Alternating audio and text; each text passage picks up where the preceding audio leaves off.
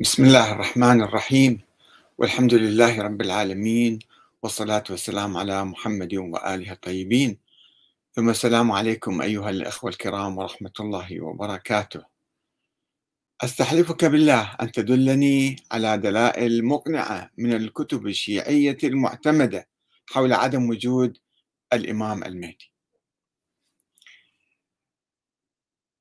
الأمة الإسلامية في الحقيقة هذه الأيام تعاني من أمرين آه، رئيسيين سيئين.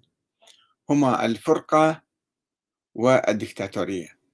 عموما منذ مئات السنين تعاني من التفرقة وتعاني من الدكتاتورية والاستبداد وبعض هذه التفرقة أو عموما كل التفرقة هذه آه، تقوم على أفكار طائفية مغلفة بالدين وكذلك الاستبداد أيضا يقوم على تأويل تعسفي لآيات القرآن الكريم وهناك مشايخ ويسمى رجال دين يكرسون التفرقة ويكرسون الاستبداد. أما هم بصورة مباشرة يسيطرون على الأمة ومن مصلحتهم إلقاء التفرقة أو يخدمون الحكام والسلاطين المستبدين الظالمين. ونحن في سعينا من أجل تحرير الأمة الإسلامية وتوحيدها. وهما هدفان إسلاميان قرآنيان نبيلان. نسعى إلى مناقشة الفكر الطائفي السني والشيعي والوهابي أيضا. من أجل حلحلة هذه الأمور وتعزيز الوحدة الإسلامية وتعزيز المحبة والأخوة بين المسلمين وأيضا تحرير الناس من هيمنة المستبدين في كل البلاد. وقد ألفت عدة كتب في هذا الموضوع منها تطور الفكر السياسي الشيعي من الشورى إلى ولاية الفقيه وقلت أن نظرية أئمة أهل البيت هي الشورى واليوم يعني الديمقراطية. وكذلك وكذلك آه، كتبت عن تطور الفكر السياسي السني نحو خلافة الديمقراطية وانتقدت الفكر السياسي السني القديم ولاحظت التطورات التي نشأت في هذا الفكر خلال المئة سنة الماضية. وأيضا كتبت عن جذور الاستبداد في الفكر السياسي الوهابي. وهذه كتب موجودة في موقعي وبإمكان أي إنسان أن يراجع هذه الكتب. ويناقشني فيها والنقاش مفتوح لجميع الناس. ورأيت في بحثي قبل حوالي ثلاثين عاما أن آه، المشكلة في الفكر السياسي الشيعي الاستبداد في هذا الفكر قديما وحديثا أو حتى الغياب عن الساحة يعود إلى فكرة مهمة جدا هي فكرة ولادة ووجود الإمام الثاني عشر محمد بن الحسن العسكري. وقلت أن هذه الفكرة كانت غير معروفة كانت غامضة ومخالفة للظاهر والإمام الحسن العسكري لم يتحدث عن وجود ولد له بالعكس هو قال ما عندي ولد. وأوصى بأمواله في المحكمة إلى أمه هي ترى الأموال. ولكن بعد فترة جاء العباسيون والبويهيون في القرن الرابع الهجري ومن أجل مكافحة التمدد الإسماعيلي الفاطمي الذي ظهر آه، الإمام المهدي تبع الإسماعيلية والفاطمية وأقام الدولة الفاطمية بالمغرب وزحف إلى آه، شمال أفريقيا كلها إلى القاهرة ومصر والحجاز والشام وكاد يستولي على بغداد. لذلك الخلفاء العباسيون صنعوا المذهب الاثنى عشري. وأيضا المذهب الاثنى عشري يقوم على هذه الفكرة أن هناك إمام مخفي مستور لم يره أحد هو محمد بن الحسن العسكري. هاي الفكرة هي صارت أساس الفرقة الاثنى عشرية. وتفرق المسلمون بين الشيعة والسنة اليوم على أساس هذه الفكرة. إذا هذا الإمام موجود فهناك 12 إمام آخر يعني 11 إمام آخر وهم قد أوصى بهم رسول الله وبالتالي الشورى باطلة. والخلفاء مغتصبون للخلافة. وهذا ما يحدث التوتر بين المسلمين والخلافة الآن بين المسلمين على قضية تاريخية قبل 1400 سنة وليس على ما هو موجود اليوم. وأيضا طبعا آه، المرجعية التي قامت على فرضية وجود هذا الإمام هم يقولون نحن نواب الإمام المهدي العامون. بعد النواب الخاصين الفقهاء كل فقيه يقول أنا نائب الإمام العام فإذا أنا ولي أمر المسلمين وإذا أنا الحاكم الشرعي ولا يؤمن بالديمقراطية. إلا كتكتيك. طبعا في العالم الإسلامي الآن في ثورة ثقافية فكرية نحو الشورى ونحو الديمقراطية يعني نحو مذهب أهل البيت. مذهب الصحابة الكرام ومذهب أهل البيت هو مذهب الصحابة نفسهم. المذهب السياسي الدين واحد عند جميع المسلمين. الدين واحد لم يتغير. إنما الكلام والصراع عبر التاريخ كان حول النظام السياسي. النظام السياسي يكون بالشورى أم يكون بالنص والتعيين أم بالحكم العسكري ياهو اللي يسيطر يصير حاكم مثل ما قال الإمام أحمد بن حنبل مثلا. هذا الآن المفترق شوفون الحروب اللي قائمة في البلاد العربية والإسلامية كلها حول هذا الموضوع. الشعوب تطالب بالشورى تطالب بالديمقراطية بالعدالة بالمساواة بالحرية والحكام وأتباعهم من وعاظ السلاطين يحاولون يكرسون التفرقة وينظرون للاستبداد والديكتاتورية من هنا إحنا نبحث هذا الموضوع. في الحقيقة البعض قد يسأل لماذا أنا مركز على هذا الموضوع؟ هذا هو هدفي. هدفي توحيد الأمة الإسلامية وتحريرها من هيمنة المستبدين والمتكبرين. في هذا المجال كتب الأخ محمد عبد الزهرة من العراق كتب لي رسالة يقول فيها السلام عليكم أستاذ أحمد. أستحلفك بالله أن تدلني على دلائل مقنعة من الكتب الشيعية المعتمدة حول عدم وجود الإمام المهدي. حتى أجد فيها ما يخص على عدم وجود شخصية الإمام المهدي لأنني بدأت بالتشكيك أو بالشك يعني ولكن حتى يطمئن قلبي أريد الروايات والأحاديث التي تخص الموضوع. فأجبته بما يلي. قلت له السلام عليكم أخي العزيز. جميع المؤلفين الشيعة الإمامية الاثنى عشرية من القدماء والمتأخرين منذ ألف سنة حتى اليوم يقرون ويعترفون بأن الإمام الحسن العسكري لم يعلن عن وجود ولد له أو بالعكس هو أعلن عندما أوصى وذهب إلى المحكمة في سامراء وأثبت أمام القاضي ابن أبي الشوارب. هاي كل المؤرخين الشيعة يذكرون ذلك. وقال أنا ما عندي أولاد فإذا أموالي وين تروح؟ إلى أمي. هي تكون وصية على الجواري والضياع والبساتين والأموال. وأثبت ذلك عند عامة الناس. كانوا يعرفون ما عنده ولد الإمام العسكري.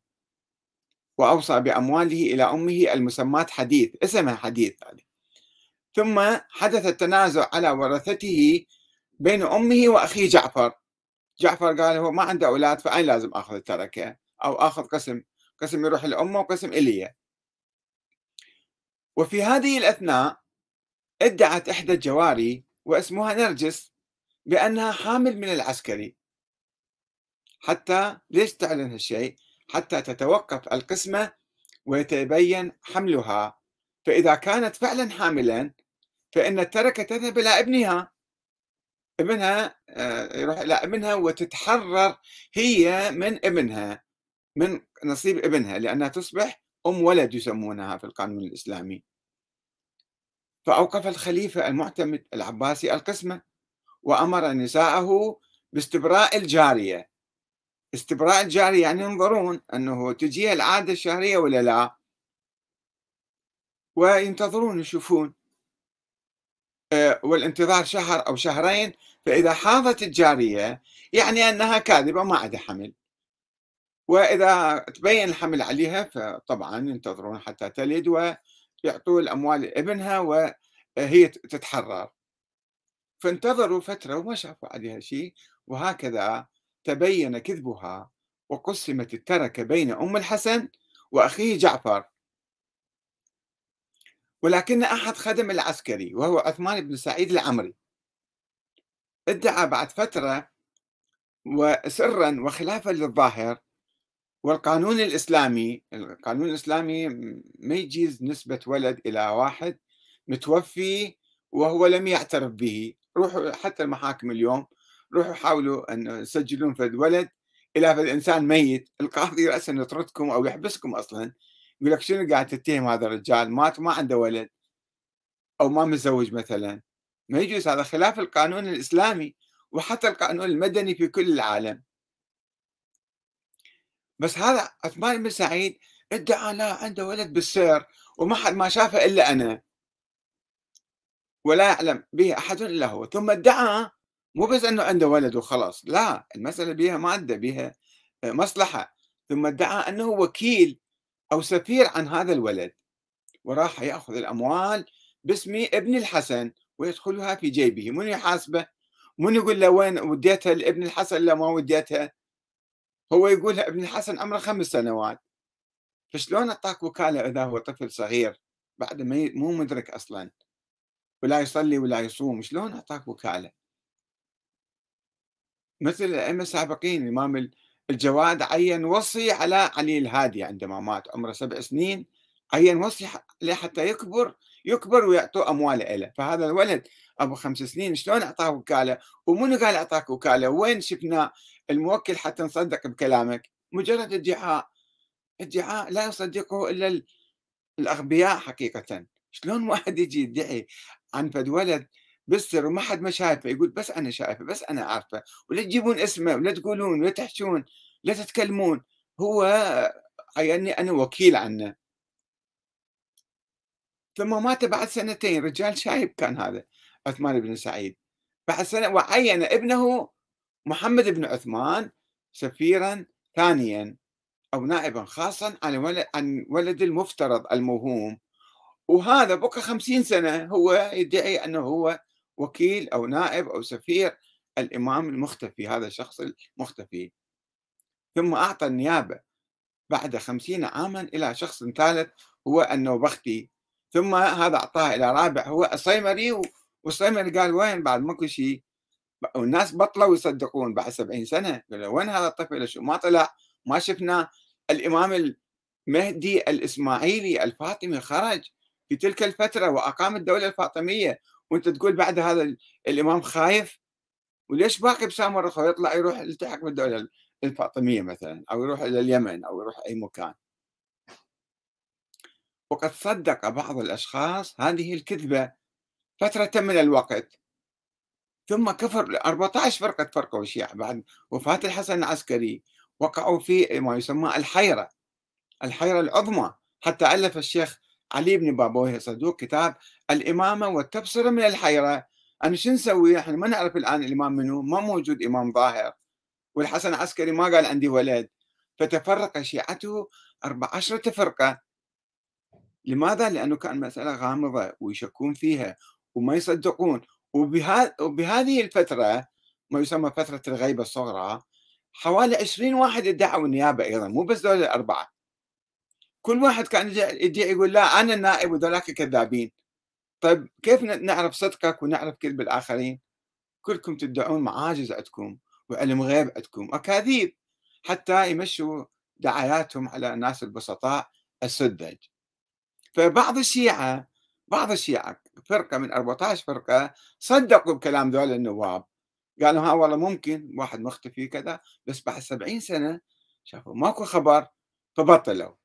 ثم كفروا بها بعد ذلك. وشوفوا راجعوا كتاب الغيبة للنعماني هذا توفى سنة 340 وكتاب إكمال الدين وإتمام النعمة للشيخ الصدوق توفى سنة 381 شوفوا ماذا يقولون. وحتى الكليني في أحاديثه في الكافي يتكلمون عن هاي الفترة يقولون الناس الشيعة اللي كانوا مؤمنين بدأوا يستهزئون ويسخرون ويرفضون هاي الفكرة. أنا شنو هذا الشخص؟ وين مختبي ولماذا لا يخرج؟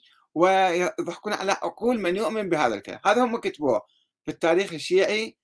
هذان مؤلفان كبيران. النعماني محمد بن أبي زينب والشيخ الصدوق محمد بن علي بن بابويه الصدوق. والكليني أيضا يجيب أحاديث يسوي أحاديث على أنه الناس الشيعة بدأوا آه، يتقاتلون ويكفر بعضهم بعضا ويسفل بعضهم في وجوه بعض. وما إلى ذلك مسويها على شكل أحاديث تحكي حالة الشيعة في القرن الرابع الهجري. فالقضية تلاشت وراحت حتى أنه هذول هم كتبوا الكتب الشيخ الصدوق مثلا يقول أنا بدي أكتب هذا الكتاب حتى أثبت وجود الإمام المهدي لأن الناس بدأوا يكفرون ويشكون ولا يؤمنون فأنا بدي أحاول أثبت هاي الفكرة. ثم جاء البويهيون حكموا بغداد وحكموا إيران في ظل الخلافة العباسية. فروجوا لهذه الأسطورة في مقابل الإمام المهدي الفاطمي الذي خرج في أواخر القرن الثالث الهجري وأقام الدولة الفاطمية في شمال أفريقيا والشام والحجاز واليمن. وكاد يسيطر حتى على بغداد عاصمة الخلافة إجا حواليها موصل والمدائن وأنبار إجا وصل. ولم يظهر أي أثر لذلك الولد المدعى منذ ذلك التاريخ حتى الآن. فهل يعقل أن يعين الله إماما لقيادة الأمة الإسلامية ولا يتكلم بنصف كلمة عبر التاريخ؟ مو يجيبوا لي دعايات لا أحاديث صحيحة عنه. يظهر ويقول فد كلام يرشد الشيعة على الأقل يدز لهم رسائل بالواتساب بالتليفون بالفضائيات. ليش ما يظهر حتى يتكلم مع الناس ويهديهم؟ ما هو دوره؟ فشوفوا الأخ محمد عبد الزهرة قال أشكرك أستاذ أحمد على التوضيح لكن طلب ثاني لو سمحت ممكن أسماء المؤلفين الذين أقروا بعدم وجود ولد للإمام الحسن العسكري. فقلت له أخي العزيز اقرأ أي كتاب عن الغيبة مثل غيبة النعماني وغيبة الطوسي وإرشاد المفيد وإكمال الدين الصدوق والموسوعة المهدوية حتى لمحمد الصدر. وبحث حول المهدي لمحمد باقر الصدر وجميع الكتب الشيعية عبر التاريخ. كلها تقول أنه هاي القصة ترويها أنه الإمام العسكري لم يتحدث عن وجود ولد له وأوصى بأمواله إلى أمه لأنه ما عنده ولد. وحدث الخلاف بينه وبين أمه وخرجت جارية وقالت أنا حامل وتبين كذبة بعد ذلك. إذ أن الشيعة الاثنى عشرية يعترفون بعدم إظهار الولد وإعلان العسكري وعدم إعلان العسكري آه، أو إعلانه عن عدم وجود ولد له ولكنهم يبررون ذلك ويدعون أن ذلك تم للتقية. هكذا حجتهم. أن هاي كانت تقية ذولا كانوا يخافون. الإمام هذا كان العسكري يخاف من العباسيين. طيب ليش الإمام الفاطمي طلع في نفس الفترة؟ فهاي هذه آه، التقية آه، يعني حجة وشعار يتخذوه لقلب أقوال الأئمة والانحراف عن الأئمة. دائما الأئمة يقولون كلام وهؤلاء يقولون كلاما آخر ضد كلام الأئمة باسم التقية. فإذا هي فرضية باطلة لا دليل عليها. فأجابني الأخ محمد عبد الزهرة قال أحسنت أستاذ الله يبارك بيك ما قصرت؟ راح نبحث بهذا الموضوع من اليوم إن شاء الله. وهنا كان في تعليقات من بعض الأخوة. الأخ أثير شنان لوفي الحسناوي أو الحساني. قال الحجة يجب أن تكون ظاهرة أما في حالة المهدي هذا الثاني عشر فهناك تساؤلات حول الموضوع. كريم صبري شعبان يقول يعني على حسب قولك أن كل أكابر أهل العلم ما قبل الشيخ المفيد إلى المفيد وما بعده من العلماء هم بهائم ضلالة. وجنابك أحمد الكاتب هو الأوحد فريد عصره الذي توصل إلى الهدى والهداية. دائما بعض الأخوة هكذا يعلقون. فأجبت الأخ كريم قلت له أخي العزيز لا تقليد في الدين. ومن قلد في دينه هلك كما يقول الإمام الصادق. وذلك لأن هناك آلاف الأديان والمذاهب في العالم وكل مذهب أو دين يعتقد أنصاره أنه على الحق. ويبجلون علماءهم وشيوخهم ويقدسونهم وهم يحسبون أنهم يحسنون صنعا ولذلك أدعوك إلى التفكير والنظر في الأدلة والبراهين وأن تنظر إلى الحق لتعرف صاحبه ولا تنظر إلى الأشخاص لكي تعرف الحق. كما يرشدنا الإمام أمير المؤمنين عليه السلام يقول عجبت من يعرف الحق بالرجال ولا يعرف الرجال بالحق. حاول أن تدرس التاريخ الشيعي وتنظر فيما يقول هؤلاء وهؤلاء. اقرأ كتاب النوبختي فرق الشيعة وأعرف شنو صاير ما صاير. اقرأ كتاب آه، سعد بن عبد الله الأشعري القمي المقالات والفراغ. وكل الكتب اللي طلعت في آه، القرن الثالث والقرن الرابع الهجري.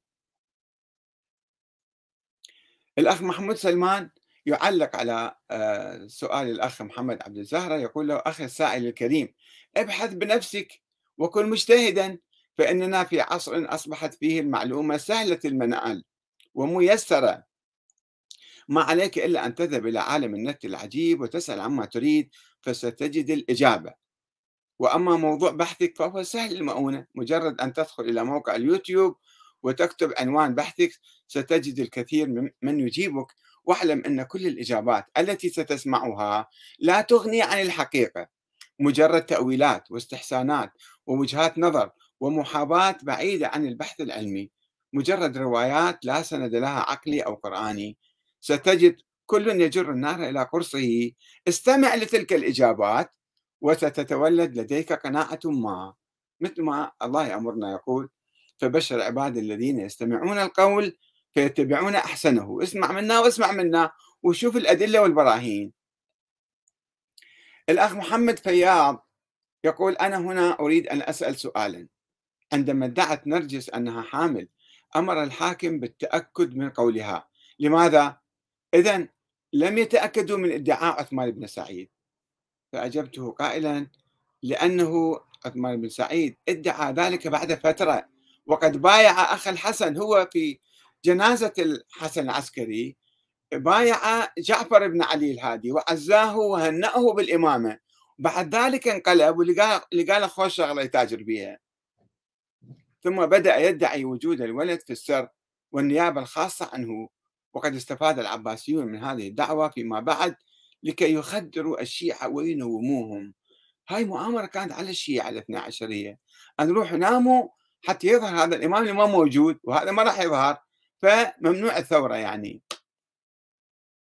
الأخ أياد الحسن يقول كلام جميل ومنطقي لا غبار عليه كونه يستدل الحقيقة ومن يعترض على ذلك فليجب ويستدل ويعطينا دليلا لا مجرد كلام وتسقير الأخ ناظم أبو فارس يقول اعترف سامي البدري وهو عالم شيعي 12 معروف في رده على أحمد الكاتب بانسداد الطريق إلى إثبات الوجود التاريخي للإمام الثاني عشر. قال عبر التاريخ ما يمكننا نثبت وجود هذا الولد.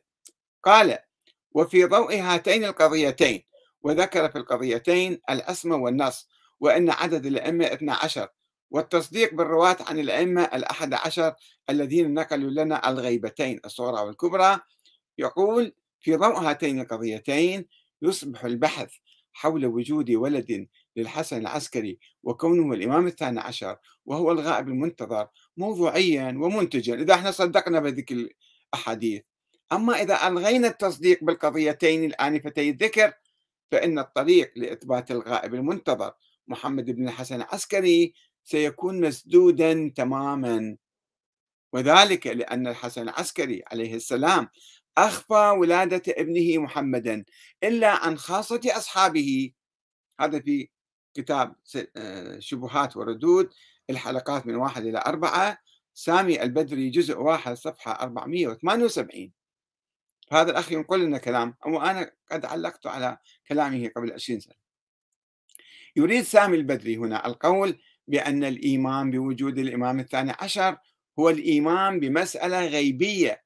ولا يكون الإيمان بوجوده عن طريق الدليل التاريخي. نعم هذا صحيح وهو ما يقوله مو بس سامي البدري وإنما كل الكتاب حتى السيستاني يقول ذلك. يقولون ما نحتاج نجيب دليل تاريخي. اتركونا من الدليل التاريخي. إحنا نثبته بالفلسفة بالعقل أو بالروايات المختلقة. وهذين اثنين آه، منهجان خاطئان. لا العقل هو منهج لإثبات شخص بالوجود بالخارج ولا الروايات اللي ممكن بسهولة تؤلف وتفبرك في وقت متأخر. مصنع يشتغل مصنع الروايات يفبرك الروايات فما يمكن نعتمد عليها. إحنا نريد دليل تاريخي وهذا الدليل التاريخي غير موجود أو بالعكس ينفي وجود هذا الولد للحسن العسكري. الأخ نمير علي آه، يقول الاستاذ أحمد الكاتب اولا تعقيبا على كلامك بخصوص نكران أو عدم الاعتراف بوجود ولد الامام الحسن العسكري عليه السلام هذا شيء غير مثبت. أما بخصوص السيد محمد صادق الصدر فأحب أقول لك أنت غلطان لأن لأنه ذكر ولادته وأثبت ولادته بروايات وأحاديث بموسوعة ظهور الإمام المهدي. أجل الله فرجه. يا ريت تراجع منشورك ولا تخلط الأكاذيب بمنشورك على من يستصعب البحث والتأكد الكثير من الناس. آه، تأخذ ما تقرأه منك على أنه موثوق وأنت كل منشورك ما بأي دليل. هل من المعقول تطلب من شخص يبحث عن موضوع بكتاب كامل؟ اختصر الموضوع واثبت صحة كلامك واكتب الصفحة اللي بيها دليلك. وأيضا أضاف وقام يجيب لي أدلة حتى يثبت كلامه. الأخ نمير علي. استشهد بكلام الشيخ باقر الأيرواني اللي هو مرشح يكون مرجع بعد السيستاني ده هيئوه يعني. وهذا بحث أنا ناقشته بالتفصيل في عدة حلقات ورددت عليه وبينت أن هو ماذا يقول. بالنتيجة هو لا يملك دليلا تاريخيا ويحاول أن يتشبث ببعض الأحاديث كما فعل السابقون مو فقط هو ما جايب شيء جديد يعني. فالأخ نمير علي يبدو شايف هذا الكتاب عاجبه يعني أو محاضرات عاجبته ويحاول أن يستدل بها فيقول الشيخ باقر الأيرواني أرجو أن ترد على الأحاديث الكثيرة المسلمة بين الفريقين الإمامية وغيرهم. شوفوا رحنا على الأحاديث أما الدليل التاريخي لا ما يعتمدون عليه. يقول هذه الأحاديث تدل على ولادة الإمام سلام الله عليه ولكن من دون أن ترد في خصوص الإمام المهدي وبعنوانه. هو دائما في كلامه. يقول هي أحاديث تدل على ولادته ولكن من دون أن ترد في خصوص الإمام المهدي وبعنوانه. شوية فكر يا أخ نبيل علي بما تقول؟ كلامك متناقض. أنت قاعد تنفي شيء تحاول تثبته فهي تدل على ولادة الإمام من دون أن تنصب على هذا الاتجاه. وأذكر لكم في هذا المجال ثلاثة أحاديث هي الأحاديث دائما يشبثون بها أنه حديث الثقلين وهذا ناقشناه في حلقة مفصلة قبل أيام أيضا وإني تارك فيكم الثقلين كتاب الله وعترتي أهل بيتي أحدهما أكبر من الآخر يعني صار أهل البيت أكبر من القرآن ولن يفترقا حتى يرد عليه الحوض. إذا شلون يصير؟ يقول ما دام هذا يقول لن يفترقا فلازم نفترض هسه شوفوا شنو يقول بعدين. يقول وهذا يدل على أن الأترة الطاهرة مستمرة مع الكتاب الكريم. وهذا الاستمرار لا يمكن توجيهه أول شيء يصدق أن هذا حديث صحيح ثم يحاول يعني يركب على عقيدته. يقول وهذا الاستمرار لا يمكن توجيهه ما يمكن أن نفسره إلا بافتراض أن الإمام المهدي عليه السلام قد ولد. هذا الشيخ الأيرماني يقول يقول إحنا لازم نفترض وجود ولد للإمام العسكري حتى الحديث يصير صحيح وإلى مصداقية ولكنه غائب عن الأعين إذ لو لم يكن مولودا وسوف يولد في المستقبل لافترق الكتاب عن الأثرة الطاهرة. وهذا تكذيب أستغفر أستغفر الله للنبي هذا تكذيب للنبي فهو يقول ولن يفترقا حتى يرد عليه الحق من قال لك النبي قال هذا الكلام. حديث مجعول موضوع. أنت مصدق به وقاعد تخلق من عنده فرد ولد بعدين؟ يقول هذا لازمه أن العترة لها استمرار وبقاء مع الكتاب. طيب ليش تفترض وجود ولد الامام العسكري؟ روح اسمع كلام الزيدية. روح اسمع كلام الإسماعيلية عندهم أئمة الآن. مو مضطر تفترض وجود ولد الامام العسكري. يقول وهذا لا يمكن توجيهه إلا بما قلت إن الإمام المهدي سلام الله عليه قد ولد ولكنه غائب مو توقعت نبير يا شيخ ايرواني أنت لما سويت هالكلام هذا وخدعت الشيعة به وراح راح نوقع ببير راح ننتظر هذا الإمام وكل شيء ما لازم يسوي بعدين. يقول والا يلزم الإخبار على خلاف الواقع. ما أنت قاعد تفترض أشياء خيالية أحاديث كاذبة قاعد تعتمد عليها.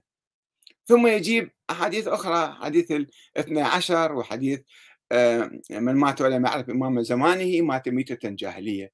أحاديث كلها عامة وهي أساسا ضعيفة ومو أكيدة ومو متواترة. أخبار آحاد ويأولها ويفسرها ويجرجرها ويمطمطها حتى يطلع من عندها مولود فإذا لم يكن الإمام المهدي مولودا الآن فهذا معناه نحن لا نعرف إمام زماننا.